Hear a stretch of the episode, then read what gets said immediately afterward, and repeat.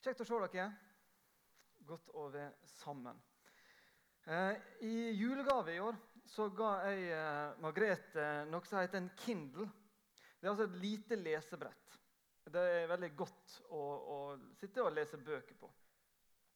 Eh, og så kjøpte hun seg ganske fort ei bok der. Etter hun hadde fått den. Jeg vet at Hun snakka litt om, om at hun strev litt med å finne den boka hun ville ha. Eh, men hun kjøpte en bok. Og Så gikk det et par dager. Så hører jeg noe eh, grynting fra stua. Så hun er ganske misfornøyd. For hun har kommet et stykke ut i denne boka og så finne ut at det var ikke eneren hun hadde kjøpt. Hun hadde begynt å lese nummer to. Da ble jo litt vanskelig å ha med å gjøre et par timer etterpå. Men jeg tror ikke dette fikk sånn kjempekonsekvenser for uh, Margrethe. fordi at uh, det gikk nok an å få noe bra ut av den der andre boka med om hun ikke hadde lest eneren. Men jeg lurer på, Er det noen av oss som har slike tanker når det gjelder det med Bibelen? Uten at du kanskje har, har tenkt over det? Mange har lest veldig mye i Det nye testamentet. Og det kan være gode grunner for. Eh, men jeg vil helt klart si at du får mer ut av toeren om du kjenner til eneren. Det nye og Det gamle testamentet det henger veldig tett sammen. Når det står om Jesus, når han er i synagogen og leser på lørdager Når han hadde fått opplæring som gutt, så var det Gamle testamentet han hadde. Det var Gamle testamentet som var Jesus sin bibel. Det kan være litt interessant å tenke over. Han allerede som tolvåring imponerte de skriftlærde i tempelet. Så var det fordi at han kunne Det gamle testamentet veldig godt. Timoteus var en viktig leder. Um, yngre enn f.eks. Paulus. Og vi, vi, leser at Paulus tar litt Timoteus under vingene sine. Ønsker å, å, gi han god opplæring, sånn at han kan fortsette noe av det som Paulus og de andre hadde gjort. Og så sier Paulus noe til Timoteus. Vi har to brev i Nyttestamentet eh, fra Paulus til Timoteus. Og vi skal lese eh, Det er fra det andre brevet, kapittel 3, 14-17. Men du skal holde fast på det du har lært og har blitt overbevist om. Du vet jo hvem du har lært det av. Helt fra du var et lite barn, har du kjent de hellige skriftene, de som kan gi deg visdom til frelse ved troen på Kristus Jesus. Hver bok i Skriften er innblåst av Gud og nyttig til opplæring, til rettevisning, veiledning oppdragelse i rettferd, så det mennesket som tilhører Gud, kan være fullt utrustet til all god gjerning. Dette er Paulus som skriver til eh, Timoteus. Og det er snakk om Det gamle testamentet. Helt fra han var ung, så hadde han kjent disse skriftene. Timoteus var nok en som hadde fått en grundig eh, opplæring, kjente til det som vi kaller Det gamle testamentet. Så vi skal legge merke til at det står som kan gi deg visdom til frelse ved troen på Kristus Jesus. Det er interessant. Når man kjenner Skriftene, altså Det gamle testamentet, og så blir kjent med Jesus, så kan det gi kunnskap til frelse. Det er en sammenheng som vi må se. For å forstå helt og fullt hvem Jesus var, hva han gjorde, så må vi vite om det som står i Det gamle testamentet om tida før han kom. Hva reaksjoner får vi ved å lese det her? Blir vi litt eh, overraska? Tenker vi kanskje at dette her hadde jeg ikke tenkt over? At Hvis jeg lærte Jesus å kjenne gjennom Det Nye testamentet, så måtte vel det være bra. Er vi eh, interessert i visdom til frelse? Vi lever i et informasjonssamfunn. Vi mottar utrolig mye informasjon. Det er stadig mindre og mindre av diverse nettsaker og ting vi leser, for det blir for mye. Men vi er da interessert i informasjon og visdom til frelse. De to delene av vår bibel henger altså udelelig, uløselig fra hverandre. Skal vi se litt mer på noen av disse ordene som sto inni her? Opplæring. Er vi klart klare til å ta imot opplæring fra ei forholdsvis gammel bok?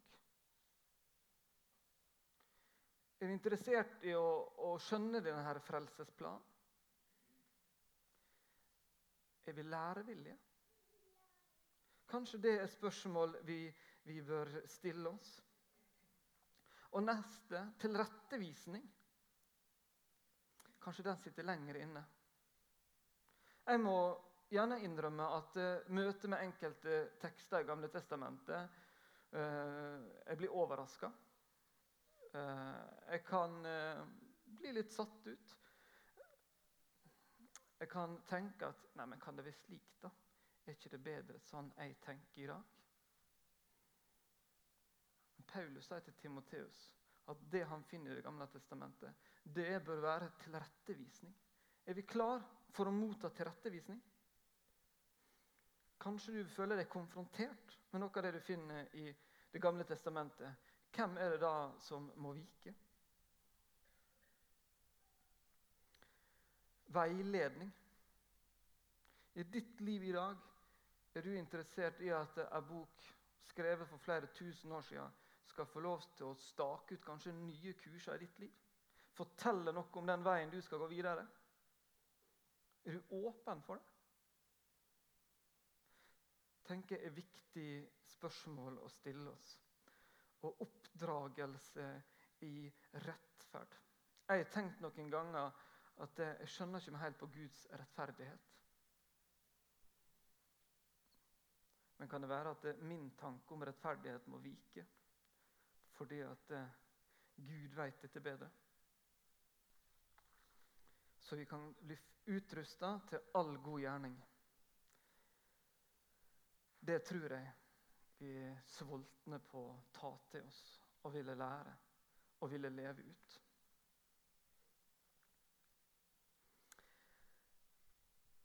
Det står altså at boka er innblåst. Vi kan tenke at eh, Gud han visste at Paulus skulle skrive et brev til Timoteus som kom til å bli en del av vår bibel. Det kan vi tenke. Men når det står sånn her i denne boka, her, så gjelder det faktisk Det gamle testamentet. Det er Det gamle testamentet her som Paulus sier dette er innblåst av Gud. Dette her er et kjærlighetsbrev fra Gud til deg og meg.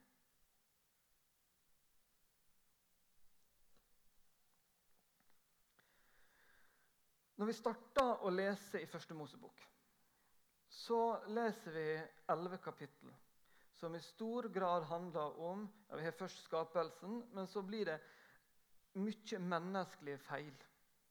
Mennesker gjør ting som de ikke skulle ha gjort. Um, og Hele denne planen med menneskeheten ser egentlig eh, ganske svart ut. Men så skjer det noe i kapittel 12. Gud kaller på Abraham han kaller egentlig en hedning fra dagens Irak. Han plukker han ut, og så sier han fra deg skal jeg få fram en ny slekt her. Og gjennom denne slekta kan jeg få sende min frelser til verden. Jeg leste en bok som jeg syns hadde en, en fin beskrivelse av det her. Som kaller det at Gud velger seg ut hebreerne, som så blir israelsfolket. Som ei jordmor Nei, som ei livmor Det er litt forskjell. Som ei livmor for sin frelser. Det er et langt svangerskap. Det varer over ganske mange år. Men Gud tar altså tak i dette israelsfolket for å forberede det, slik at han en dag kan sende sin frelser til verden. Å vite noe om den, det svangerskapet der, det er spennende. Og Allerede der så viser Gud at han tenker så annerledes enn meg. For at Han sier til Abraham at du skal bli far til et stort folk. Det skal bli like mange som det stjerner på himmelen, som det sandkorn på stranda. Og da har jeg tenkt ja, men da må vi få i gang en litt sånn kickstart her. Men det skjer ikke. Abraham må vente til han er for gammel til å bli far på naturlig vis. Kanskje for at Gud ville vise at det var han som hadde kontrollen, og ikke mennesker. Men det stopper ikke bare der. I de to neste slektsleddene med så sliter de med fruktbarheten. Til det som Gud sa skulle bli dette store folket. Det sier meg noe om tid. At vi har en Gud som er fra evighet av og til evighet. Han har et annet syn på dager og år enn hva jeg har. Vi må ikke gjøre Gud liten. Så kan vi fort tenke at i møte med Gamle Testamentet så er det de lange linjene som har fokus. Og det er jo for så vidt riktig. Vi følger konger, vi følger disse landene, eh, og vi ser liksom hva som skjer her i denne historien. Men den viser også noe mer. Første kongebok, kapittel 18, er en sånn her stor begivenhet. Elia er på Karmelfjellet. Det er en eh, kamp mellom Elia og sin gud og disse Baal-profetene. Den, den guden som klarer å sette fyr på det som er blitt laga i stand der, det skal være Guden. Mange hundre mennesker. Jeg tror det, det er flere hundre Baal-profeter som står der og ber om at Baal må sette fyr på det her. Det skjer ikke. Men vår Gud kommer og setter eh, fyr på det Elia vil han skal sette fyr på, dette alteret. Ja. Og så tenker vi oi, for noen store ting. Men da syns jeg det er så fascinerende å se kapittelet før handler om ei dame. Ei enke. Det er hungersnød. Bekken, Det står at bekken inna har blitt tom. Planen hennes er å gå og bake det siste brødet for at hun og sønnen sin skal etterpå legge seg til å dø. Men så griper Gud også inn der og sørger for at denne kvinna får ei Sareptas krukke, som vi kanskje hørte til uttrykket. Gud han ser den ene.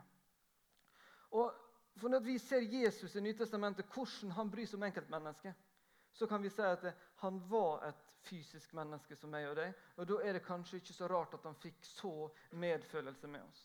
Men jeg syns det er så sterkt å se Gud.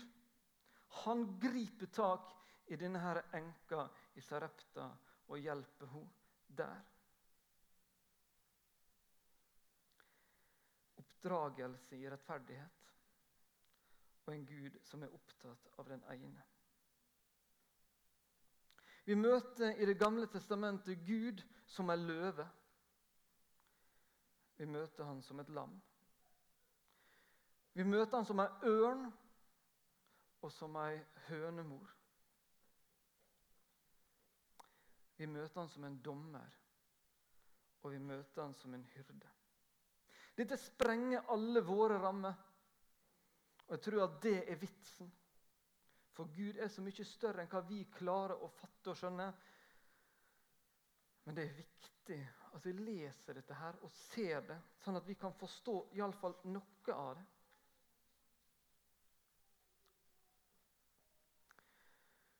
Så er det tekster i Gamle Testamentet som er vanskelige. Eh, litt seinere utpå våren så skal jeg komme inn på noen av de vanskelige. Men vi møter, vi kan lese i avisene folk som plukker ut et enkelt vers, og så sier de at en Gud som står for dette, kan ikke forholde meg til. Vi kan finne 600 avsnitt i Gamle testamentet som handler om, om vold. Og de er gjerne Gud på en eller annen måte knytta inn i det her. Og vi syns det er vanskelig. Jeg tror det er et svar på veldig mye av det, og det skal vi, skal vi som sagt bruke tid på seinere. Men i møte med noen av dem så vil jeg bare si at ikke kjemp med de tekstene alene. Derfor har vi smågrupper, bibelgrupper. Eh, derfor har du en venn du kan lese med Bibelen sammen med. Gå og snakk med noen om det som du opplever som vanskelig. Da er det ofte lettere å forstå det. Jeg har så lyst til at vi skal få en interesse og en lyst til å lese mer i Det gamle testamentet og tekstene der. Jeg tror at mange av de åndelige lengslene som vi kan kjenne på, og som mennesker rundt oss kjenner på, kan vi faktisk få møte der hvis vi har vilje og lyst til å sette oss ned og lese Guds kjærlighetsbrev til deg og meg. Det er ganske mange som, som, kan skrive under på at de hadde en innstilling om at dette var vanskelig, dette var kjedelig men som etter å ha prøvd litt seriøst, elsker Det gamle testamentet. For min del så, så ble det kanskje flere spørsmål enn svar når jeg leste mer i Det gamle testamentet. Jeg lurte på en del ting, fikk mange ting jeg måtte finne ut av. Men etter hvert som jeg fikk lest mer, så ble mange av svarene besvart. Mange av spørsmåla som jeg hører stilt rundt meg, ble også svart. Det er noe med at Vi har et ganske stort persongalleri i Det nye testamentet. Eh, mange av oss eh, kjenner oss igjen hos noen av disiplene. Finner ting hos de som vi tenker eh, jo, der er noe jeg kjenner meg igjen i. Men persongalleriet i Det gamle testamentet er så veldig mye større. Det er stor sjanse for at du finner noen som du tenkte Oi, det var det jeg gikk og tenkte på i dag. Der fikk jeg noen svar på det jeg har lurt på. Veiledning kan vi få gjennom disse personene vi møter. Som jeg sa i stad, så er dette tross alt den Bibelen Jesus leste. Og det er en veldig spennende sammenheng der. Eh, Matteusevangeliet er skrevet kanskje spesielt for at jøder skulle forstå at Jesus var den eh, frelseren, den Messias de venta på. Åpner vi Matteus og begynner å lese Første vi møter, det er slekts, eh, slektslista til Jesus. Inni den lista så står det noen damenavn. Det er noen damer som ikke har plettfritt rulleblad. Hva gir de damene Veit du hva dame som er nevnt i slektslista i Matteus 1? Kanskje vet du det. Kanskje kan det være noe som skaper interesse. Gå og se på det, og så finne ut mer om de damene. Like etter denne slektslista så står det alt dette skjedde for at, det, for at det ordet skulle bli oppfylles som Herren har talt gjennom profetene. Det nye testamentet er en oppfyllelse av det som står i Det gamle testamentet. Derfor er det så viktig å skjønne det og være inni det. Også når Jesus, etter han er stått opp igjen, så står det en historie i Nytestamentet som vi kaller for Emmaus-vandrerne. Jesus møter to personer som ikke kjenner han igjen. Går på vei fra Jerusalem til Emmaus. Og Så begynner han å legge ut for dem. Det står at Han la ut skriftene. Han begynte fra starten av.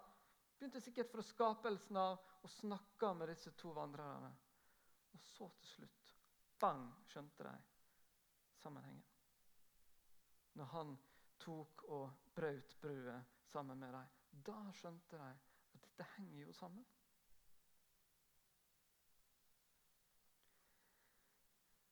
Jeg leser teksten en gang til. Men du skal holde fast på det du har lært og er blitt overbevist om. Du vet jo hvem du har lært det av. Helt fra du var et lite barn, har du kjent de hellige skriftene. De som kan gi deg visdom til frelse ved troen på Kristus Jesus. Hver bok i Skriften er innblåst av Gud og nyttig til opplæring, til rettevisning, veiledning og oppdragelse i rettferd, så det mennesket som tilhører Gud, kan være fullt utrustet til all god gjerning. Så ikke kjøp bare bok nummer to, da. Du vil ikke forstå den skikkelig hvis du ikke tar med eneren. Og så kan vi bli utrusta til all god gjerning. Det er fint, det. Amen.